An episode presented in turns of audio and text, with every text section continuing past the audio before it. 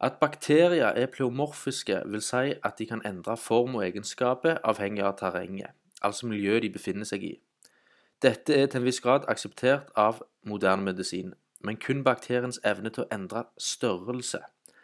En videre anerkjennelse av potensial til å endre karakter og egenskaper vil for moderne medisin og farmasiindustrien generelt være som å skyte seg selv i foten, om ikke begge.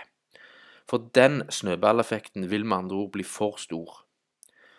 Når det brukes antibiotika mot infeksjonssykdom, såkalt multidrug therapy, vedvarer kuren i flere uker eller måneder. Og hvis det ikke har hjulpet, rulleres ut en ny kombinasjon av antibiotika. Og Dersom problemet ikke løser seg, så diagnostiseres pasienten med antibiotikaresistente bakteriesykdom, som ikke er grunnen til sykdommen i utgangspunktet. Hør f.eks. Sharpes 3, eh, tuberkulose, for mer informasjon.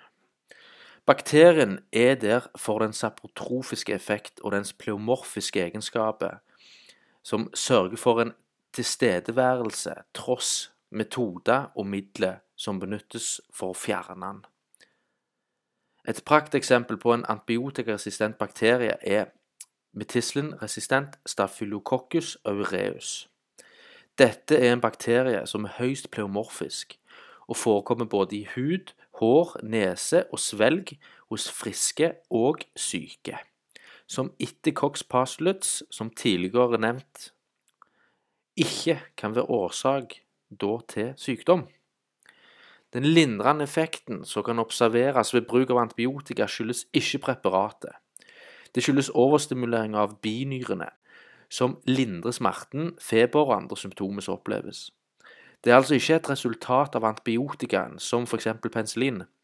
Og vedvarer overstimuleringer så vil binyrene bli svekka, og deres funksjon begrenses. Som påvirker kontrollen over metabolismen og kroppens respons til, stress, til stressfaktorer. Andre typiske bivirkninger på antibiotika er kvalme, oppkast og diaré, som er klare indikasjoner på at kroppen prøver å kvitte seg med det toksiske produktet som er tilført. Når det er sagt, så har òg antibiotika fått kreds for at infeksjonssykdom ikke lenger er livstruende. Dette er også en misvisende, om, eh, misvisende oppfatning som har sin røtter fra spireteorien. Den virkelige årsaken skyldes sanitet, altså praktisering av håndhygiene hos kirurger mellom operasjoner. På den måten så unngår han at partikler fra kroppsvæske og andre vev ikke blir transportert mellom pasientene. Det forklarer hvorfor dødeligheten etter operasjonen gikk kraftig ned.